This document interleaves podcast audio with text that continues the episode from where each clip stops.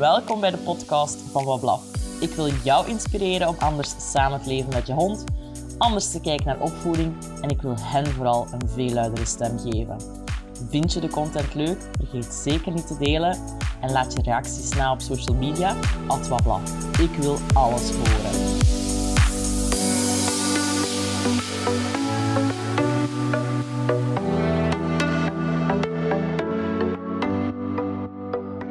Luistert naar Bewuste Hondenmoeders. Ik ben Annelies en ik wil met jullie praten over angst vandaag. Angst heeft al een heel lange tijd een rare ondertoon in ons leven en ik wil daarover babbelen met iemand die daar ja, een soort van passie rond gemaakt heeft. En ik wil weten hoe je kan omgaan met angst en onzekerheid bij je hond. Ik wil daar alle info met jullie over delen. En daarom babbel ik met Cedric van Groonsveld. Dat is onze eerste bewuste hondenvader in de podcast. Hij heeft meer dan elf jaar ervaring als gedragstherapeut bij kwispeltherapie. Hij schrijft daarnaast ook een blog over hondengedrag en hij is ook meer dan twaalf jaar dierenartsassistent geweest. Hij is bovendien ook stichtend lid en voorzitter van de Vereniging voor Dierengedragsprofessionals. Cedric, welkom. Dank u, dank u Annelies. Dat klinkt wel goed, hondenvader. Ja, leuk hè? Ja. Cedric, ga er direct invliegen. Waar gaat jouw hart snel van slaan? Waar ligt jouw passie met honden? Ja, gelijk je juist in die intro al hebt gezegd, mijn hart wordt uh, warm van honden die eerder aan de onzekere kant zijn, eerder aan de angstige kant. Dat ligt mij gewoon enorm goed. Ik kan me daar goed in inleven. Dat zijn de honden waar ik het liefste mee samenwerk, zeg maar. Dat is hetgeen wat mij ligt. Dus ik geloof in een wereld waarin dat alle honden zo weinig mogelijk stress en angst ervaren. Geen is niet mogelijk. We gaan het daar waarschijnlijk ook nog over hebben waarom dat, dat niet mogelijk is. Maar ik probeer dat in de, ah, zoveel mogelijk te beperken. Want we leven natuurlijk in een maatschappij waar dat er heel wat stressoren zijn, heel wat prikkels zijn en dergelijke. Maar eh, daar, ah, dat is mijn missie, zeg maar. Ik wil echt ervoor zorgen dat die honden dat die minder stress en minder angst kunnen eh, eh, ervaren. Mooi. Daar ga ik voor. Zeggen, ik weet niet of dat bij u is, maar hebben de, de, de ervaringen van de afgelopen jaren daar niet meer aan bijgedragen om daar nog meer op in te zetten? Ik spreek dan misschien voor mezelf, maar alles wat er met corona gebeurd is en de hele oorlog in Oekraïne, ja, dat moment dat die, ja, die pandemie uitbrak, of het moment dat die een oorlog uitbrak, dat zijn momenten die ik mij nog heel goed kan herinneren. Omdat dat voor mij een heel heftige emotie losgewerkt heeft. Um, op een bepaald moment was ik echt, allee, voelde ik me echt heel angstig. En was ik me daar ook heel bewust van. Ik was ook bepaalde dingen aan het doen die ervoor zorgden dat ik met die angst kon omgaan. En dat was wel echt zo in my face van... Oké, okay, Annelies, je bent dus momenteel angstig voor iets dat aan het gebeuren is, waar je zelf geen vat op hebt. Maar dat ook niet... Met mij, wat dat mij ook niet aan het overkomen was op dat moment. Dat was iets dat verderaf was. Hoe heb je dat ervaren? Is dat iets dat je ook getriggerd heeft om toch nog meer te gaan inzetten op angst en, en stress bij die honden? Ja, eigenlijk wel, want het is zo, zo mijn... Eh, daarvoor ja, we kunnen wel stellen, dat was voor de pandemie. Um, dan was ik zo wat de typische algemene hondengedragstherapeut die alles deed, zeg maar. Maar geleidelijk aan, en dan begint te merken dat die cases mij het beste lagen. En, uh, en dan tijdens corona echt um, zit te denken van, ja, wat, wat wil ik nu er eigenlijk verder mee doen? En ik herken het heel fel, gelijk... Uh, de coronacrisis, daar heb ik persoonlijk minder moeite mee gehad. Maar bijvoorbeeld de oorlog in Oekraïne, daar ben ik in het begin even heel hard in gegaan. Zijn ook gaan preppen? Ja, ja, ik heb zelfs filmpjes gekeken van hoe overleef je uh, een, uh, een, een, kernwapen of zo, een inslag. Ik voelde gewoon het klimaat van er moet maar één idioot iets misdoen. En dat kan hier ontploffen. en er zijn zoveel idioten gepasseerd in de politiek de laatste jaren, dat ik dacht van ja, dit is gewoon, dit kan heel erg gaan. Weet je wat dat bij mij effectief getriggerd heeft, en het is echt erg om het toe te geven, hè, maar ik, ik ga het toch doen. Die schrik heeft mij doen bellen aan mijn dierenartsen. Trouwens, een heel goede vriendin, maar doen bellen aan mijn dierenartsen. En ik heb haar echt gesmeekt of zij mijn honden en mijn katten en mijn andere dieren wou inslapen als er hier een kernoorlog uitbrak. En oh, als ik erover nadenk, word ik zelfs een beetje emotioneel. Ehm, en dan heeft zij echt zelfs gezegd van, kijk, als dat zover is, dan zie ik dat jij gerief in huis hebt om dat allemaal te fixen, dat je duren pijnloos kunnen vertrekken. En dan het feit dat je daarover moet nadenken, Dat is, hè? Die angst daar rond, dat is... Want, allee, angstbeleving is ook iets heel... ehm, iets heel echt, iets heel realistisch bij honden. Hè? Hoe beleven honden angst? Dat, dat kan heel uiteenlopend zijn. En gelijk in ons voorbeeld van de coronacrisis, en, en we hebben het heel specifiek ook over het begin hè, van de oorlog en de crisis, dat brengt heel veel onzekerheid met zich mee. Je weet niet wat je moet verwachten. Gelijk, ik gebruik vaak het voorbeeld van wat er gebeurd is met het toiletpapier, ook bij mijn klanten als ik het heb over resource guarding en dat soort dingen allemaal. Ehm, hè, er is gewoon... Wacht even, resource guarding voor de mensen die aan het luisteren zijn. Even kaderen. Ja, zeker. Ja, dus dat, dat is eigenlijk een verzamelnaam voor eh, honden die dingen beschermen. Dat kan gaan over lichtplaatsen, of over speeltjes, of over eten, of zelfs aandacht van het baasje. Eh, resources zijn dingen die van belang zijn voor de hond. Oké. Eh, en, en zo, ja, wat er gebeurd is met die toiletrollen was naar mijn mening compleet irrationeel. Want als de wereld vergaat, het laatste waar je mee moet inzitten is of je je gat kunt afvegen. Maar eh, dat was ja zo een soort van massa-reactie van we moeten iets doen. en dus Ja. dat werd ingeslaan, eh, heel veel eh sandwichen en brood en alle conserveblikken, zeg maar. En dat waren zo de rekken die leeg waren. En als je daar dan zo binnenkomt, ja, dan, dan overvalt je dat van dit heb ik nog nooit meegemaakt. Ja. En ik denk dat dat bij honden eh, is. Ik denk dat... We weten bijvoorbeeld dat honden als... Of ja, voorspelbaarheid zorgt voor minder stress. Dus Aha. als een bepaalde situatie voorspelbaar is, als een hond weet wat de mogelijke uitkomsten zijn, als daar een bepaalde routine in is geweest bijvoorbeeld, dan gaan ze daar minder stress in ervaren ten opzichte van als al die onzekerheid daar rond bestaat. Dat ze gewoon niet weten wat ze moeten verwachten. Maar er zijn honden die... Ehm, iedereen die luistert, die gaat zich waarschijnlijk, als ze horen over een angstige hond, zich zo de typische hond inbeelden. Die oren die liggen plat en parallel met het lichaam. Die staart die is onder dat lichaam eh, in, zelfs eh, vaak tegen de buik aan. Ja. Die stellen zich zo wat eh, lager op, die zitten zo wat ineengedoken, zeg maar. In extreme gevallen kunnen die zelfs trillen of kunnen die zelfs urineren. en die controle over klopt. die blaas verliezen. En dat is zo de extreme angst.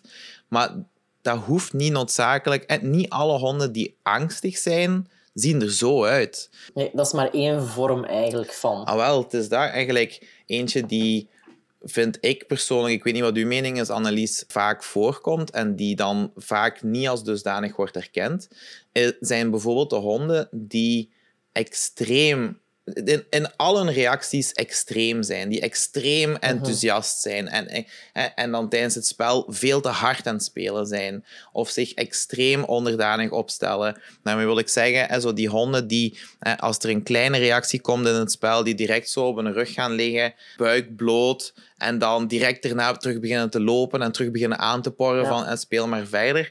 Maar dat zijn zo die honden die zo precies geen maten kennen of geen beheersing hebben. En dat wordt vaak gezien als gewoon enthousiasme. Maar dat kan echt te maken hebben met, met stress, met onzekerheid, Mhm. met in zekere mate angst. En ja, ik merk dat ook, hè, zo dat profiel van hond, als we daar dan mee aan het werken zijn en hè, dat opwinningsniveau dat zakt, hè, die hond die ervaart minder stress in die omgeving, dat die, dat die reacties ook veel meer gematigd worden, zonder dat we daar specifiek Ja. op hebben gewerkt. Maar dat wordt vaak niet gezien als een angstbeleving, terwijl dat in mijn ervaring wel zo is. Zeg maar, dat maakt het ook super moeilijk voor mensen om dat te gaan erkennen. Want allee, uiteindelijk heeft angst een functie. Hè? Ja, Wanneer wordt het nu een probleem? Goh, ja, gelijk gezegd, de angst heeft een functie. Dus angst moet ons eigenlijk moet ervoor zorgen dat wij overleven. Een gezonde angst zorgt ervoor dat wij niet in situaties terechtkomen die potentieel levensbedreigend zijn voor ons. Eh, en dus een acute angst op zich is geen probleem. Eigenlijk als ik mij, als ik in het publiek aan het rondwandelen ben en ik hoor een knal Dan verschiet ik mij, dan draai ik mij onmiddellijk om. Ik probeer die knal te lokaliseren. Als ik dan zie dat er ergens een ballon is stuk gegaan, ja, dan herstel ik onmiddellijk en dan ga ik verder met mijn dag. En dat, dat, is, hè, dat is ook een angstreactie, maar hè, dat hoeft daarom niks te betekenen. Maar zo die honden die na een angstreactie echt in die emotie blijven hangen voor 20, 25, 30 minuten, die echt nerveus blijven, blijven hijgen, op en af ijsberen, zo, hè, dat typische beeld. Echt moeite hebben met herstellen Ja. naar een normaal lichamelijk functioneren eigenlijk. Dan is, dan is angst niet meer functioneel. Hè? Dan hè, is de, de bedreigende prikkel al lang weg. Eh, maar dan zijn die nog altijd... Hè, dan is dat systeem nog altijd geactiveerd. Zo dat overlevingssysteem, zo we het noemen. En ehm, vergelijkbaar ook honden die gewoon in chronische stress verkeren. Die gewoon voortdurend angstig zijn. En dat is dan niet omwille van hè, iets rationeel, van oh, ik heb ergens een slang gezien of gehoord of geroken of wat dan ook. Maar gewoon hè, het potentieel dat er iets zou kunnen gebeuren. Ja. Hè, we vergelijken dat wel eens een keer met de beer of hè, de grizzly. Eh, en die, die honden die verwachten dat er op elk moment iets zou kunnen gebeuren, dat er ineens iets Ja. van achter hun zou kunnen Ze op hun springen. of- echt heel hard. Inderdaad. Ja. Dus die, gaan, hè, die zijn de hele tijd bezig met... Dat zijn bijvoorbeeld... En dat is ook weer zoiets, hè. Als we het dan hebben over angst en angstbeleving. Dat zijn typisch gezien zo de honden die op de wandeling altijd van voor willen wandelen. Want dat geeft hun een mate van controle. Eh, want die kunnen, in de gaten, die kunnen alles als eerste in de gaten hebben en die weten wanneer dat er iets bedreigend op hun zou kunnen afkomen. Of tenminste, Overzicht. Ja. ze hebben het gevoel dat ze meer overzicht hebben dan als ze niet van voor Mhm. zouden wandelen. En dat wordt vaak gezien als bijvoorbeeld dominantie. Van, Ah, ah, ik wou het juist zeggen, Hij Cedric. wil Ik ging altijd zeggen, vooraan. Allee, jong. Het is toch een dominante hond? ja. Let's not go there, I think. I don't know. dat, dat is zo een heel andere aflevering, zeg.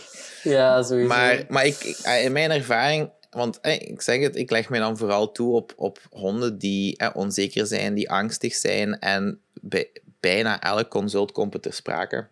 Er zijn veel gedragingen die die honden doen, die door het publiek worden geïnterpreteerd als, als zijnde dominant.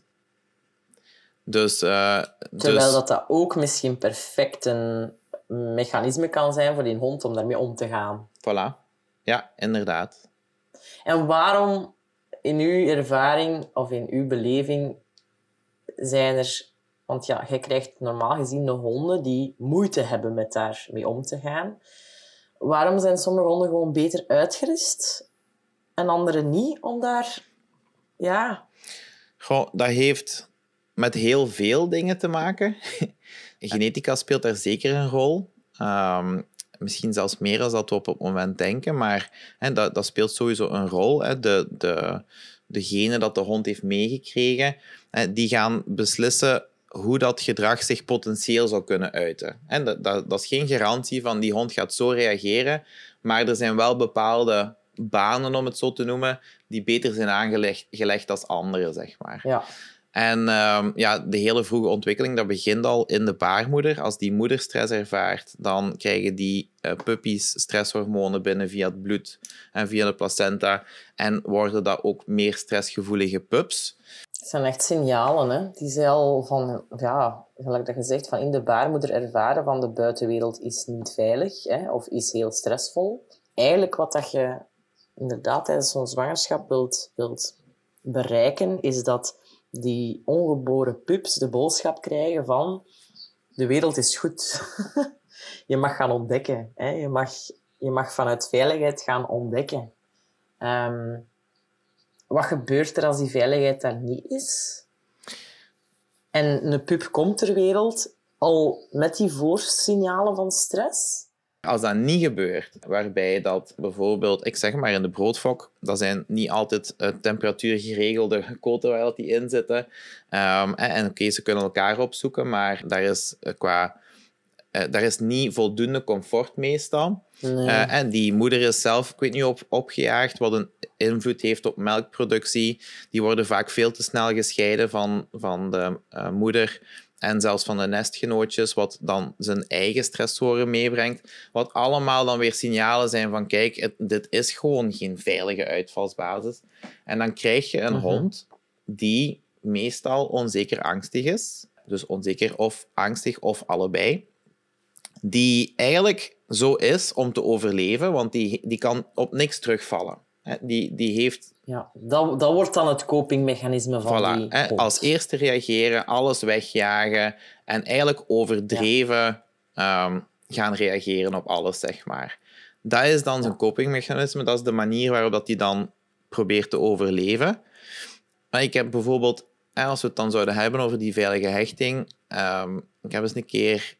eh, Ik, ik kijk wel eens een keer op losloopweides of hè, zo van die hondenparken, van hè, wat er allemaal gebeurt en hoe dat mensen omgaan met hun honden. En en eh, er was een hond en die was duidelijk niet op zijn gemak. En die ehm, had een paar pogingen gedaan voor zo achter de benen van de eigenaar te gaan staan. Bij wijze Mhm. van steun zoeken. Hè. Uiteindelijk, eh, dat is een van de schoonste dingen dat u een hond kan doen, want dat geeft aan dat hij een goede band heeft met u, dat hij steun komt zoeken bij Ja. u. En eigenlijk, of ja, we weten vanuit de wetenschap, zeg maar, en dat is onderzocht geweest, dat als die honden die veilige hechting hebben, dat ze vanuit die veilige uitvalsbasis de wereld kunnen verkennen en veel meer marge hebben om dat ook effectief te doen. En ik was aan het kijken en ik zie dat die een hond elke keer wordt weggestuurd. Van, allee, doe toch niet zo flauw. Allee, vooruit, waar zit je bezig? Zeg, je zit een flauwe. Die persoon die wegwandelt en dan de hond zo terug naar de andere honden stuurt. Dat is drie hart. keer gebeurd. En dan de vierde keer had die een hond zoiets van, ja, dan ga ik hier onder dat bankje zitten. En uiteraard, ik bedoel, dat is een, een, losloopweide, dus er komen andere honden snuffelen terwijl die hond onder dat bankje zit. En dan zag ik een snow, zo van, voor te zeggen van laat mij gerust. En je kunt je voorstellen dat als dat een patroon is wat zich elke keer voordoet, dat die een hond leert, kijk, ik kan echt niet terugvallen op mijn eigenaar. Dus Nee. als er Nee. iemand langskomt en ik voel me niet comfortabel, dan moet ik dat laten weten op een of andere manier. En die honden die leren dan vrij snel dat een snauw niet altijd genoeg is. En zeker als je zo van die enthousiaste puppies erbij hebt die willen komen spelen.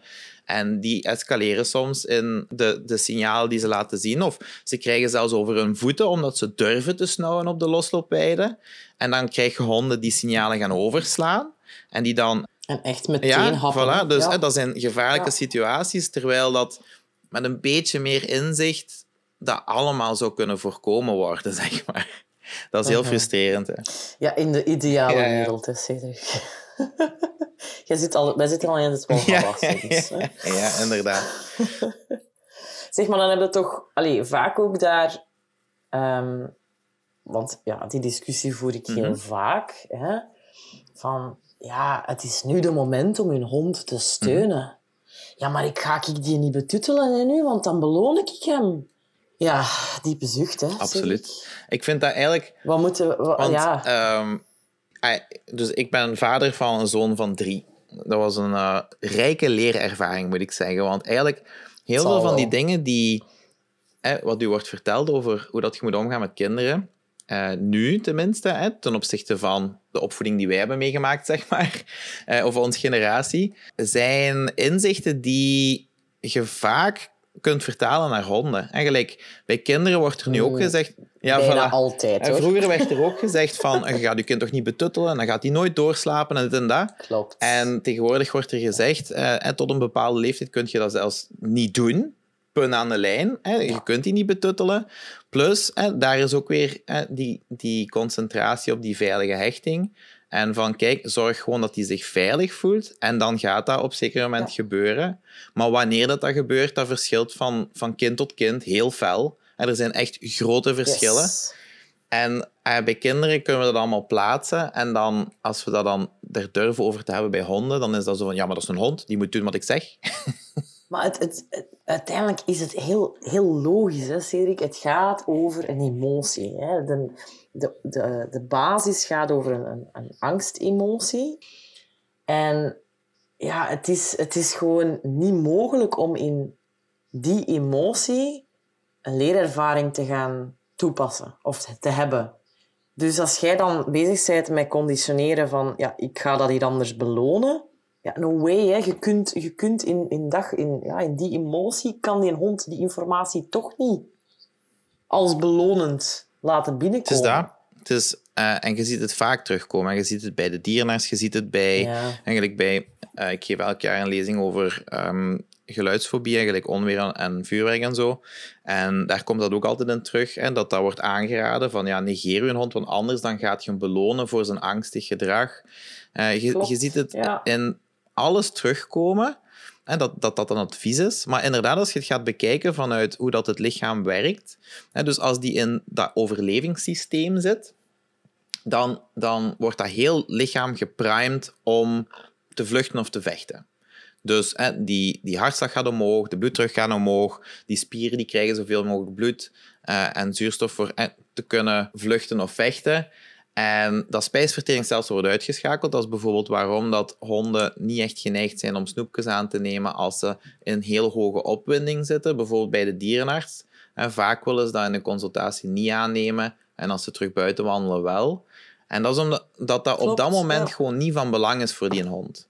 En als ze in dat systeem zitten, dan kunt jij inderdaad een hond niet belonen of straffen, gelijk dat je dat kunt doen als je eh, gewoon een zit aan het aanleren bent in een prikkelarme omgeving, eh, zo je standaard oefeningsje, zeg maar.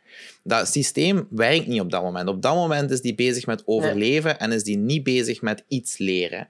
Dus we weten dat in die situatie, als een hond zoveel stress ervaart of zelfs in paniek is, of eh, als dat opwinningsniveau zo hoog is, als dat systeem is geactiveerd, dan leert die niet. Dus en het nee. ding is, en dat vind ik dan nog het ergste van al, want we hebben het over een veilige uitvalsbasis zijn voor je hond en, en, uh, en proberen die steun te zijn. Maar het ergste van al is dat door je reactie dat moment dat die hond ervaart nog erger is. He, dus die, dat is nog traumatischer als dat dat al is, omdat jij volledig anders reageert dan dat die verwacht van u je wordt onvoorspelbaar op het moment dat er eigenlijk heel veel voorspelbaarheid nodig is. Ja. ja.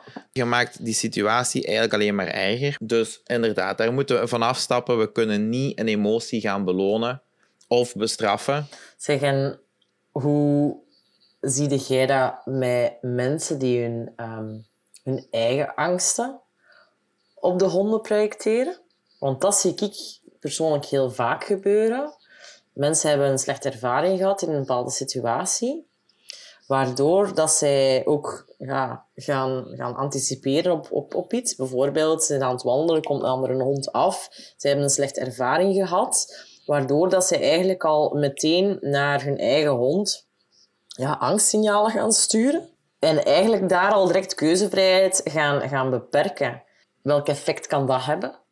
Ja, ik denk persoonlijk dat jij daar een hond mee kunt dat je een hond daar juist onzeker mee kunt maken. Nu, ik moet zeggen, ik moet daar bij mijn eigen kind ook heel veel mee opletten. Want het is ook een enig kind. Je wilt niet dat er iets mee gebeurt. Nee, ja, het gaat, het gaat inderdaad ook vaak vanuit, alleen vanuit je eigen levenservaringen. Naar mijn mening worden, worden daardoor kinderen ook bang van honden. Door onze eigen angsten die we gaan projecteren op onze kinderen, Um, hè, mensen die zeggen van... Nee, nee, nee, dat is niet aanraken. Die kan bijten. Ja. Of, um, dat is gevaarlijk, dat hondje. Dat, die ken je niet. Door op die manier te gaan communiceren naar je kind, ga je eigenlijk je eigen angsten gaan projecteren. Waardoor dat kind, die eigenlijk nooit een negatieve ervaring heeft gehad met een hond, bang kan worden van honden zonder een slechte ervaring Ja. gehad te hebben. Ja, ik denk dat hetzelfde ook gebeurt bij honden die schrik krijgen voor andere honden. Is omwille van hetzelfde systeem wat je juist uitlegt bij de kinderen. En dat ze altijd, hè, dat die reactie er komt. En oké, hè, dat kind heeft nooit een negatieve ervaring gehad met een hond, maar het feit dat ehm, de mama of de papa op die manier reageert als er een andere hond in de buurt is, dat is ook al een kleine negatieve ervaring, zeg maar. Dat is ook zoiets buiten de comfortzone. En dus dat wordt geregistreerd van oké, honden zijn slecht. Cedric, als er nog één ding is dat je zou willen meegeven aan de luisteraars, wat zou dat dan zijn?